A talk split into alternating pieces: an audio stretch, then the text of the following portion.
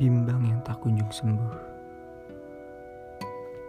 Aku mencoba untuk sesekali tidak menghubungimu, menguji seberapa pentingnya aku bagimu. Nyatanya, aku kalah. Aku adalah orang yang pertama kamu sampingkan, dan kamu adalah orang yang pertama aku pentingkan. Bodohnya, masih saja aku teruskan. Kamu tahu, cara melukai itu mudah.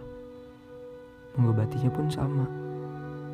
Karena itu telah kamu lakukan bersamaan di saat kita mulai berkenalan. Sedemikian kata kurangkai, seindah kenanganmu yang ingin kubingkai. Ada gelak tawa dan sukacita.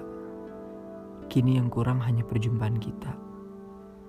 3 November 2019